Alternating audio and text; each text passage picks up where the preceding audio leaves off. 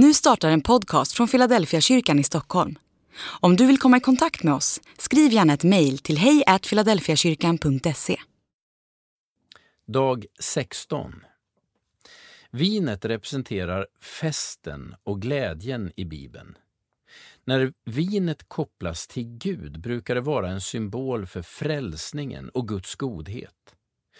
Den djupa innebörden i det första undret Jesus gör på bröllopsfesten i kanan pekar på Guds möjligheter i våra liv.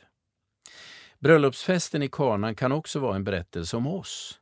Även om livet egentligen är både roligt och fyllt av glädje kan vi sakna den viktigaste beståndsdelen.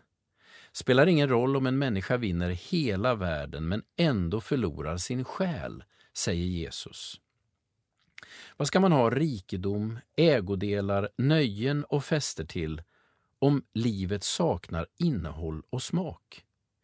Man måste inte vara olycklig för att komma till Jesus, men man behöver inse att det fattas någonting.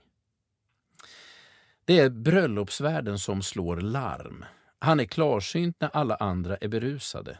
Han inser att något saknas innan de andra gästerna märker det. Så är det nog i våra liv också. Det finns en bröllopsvärld inom oss som då och då slår larm och säger att det saknas något viktigt för att festen ska kunna fortsätta. Den rösten behöver vi lära oss att lyssna till. Undret i kanan berättar om att Gud kan ge sin glädje och sin frälsning där förutsättningarna egentligen saknas. Berättelsen säger att allt vin var slut och att bröllopsvärden inte vet vad han ska ta sig till. Det är som om festen sakta är på väg att stanna av. Hur ska man kunna hålla högtid och fest när en av de viktigaste ingredienserna saknas?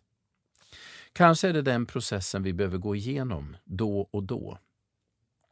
Vi lever som om livet aldrig kan ta slut utan att tänka på vad vi verkligen behöver för att kunna uppleva bestående glädje och frid.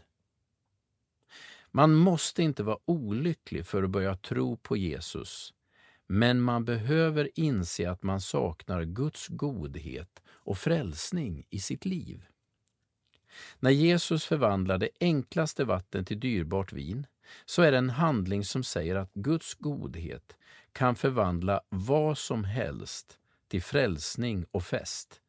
Oavsett om förutsättningarna finns eller inte kan Jesus göra under i våra liv.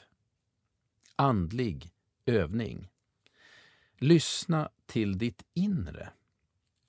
Har du signaler som säger att något viktigt fattas i ditt liv?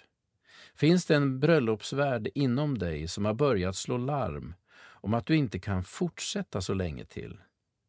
Kanske är det dags för dig att söka Jesus för att få hjälp med det som är allra viktigast i ditt liv.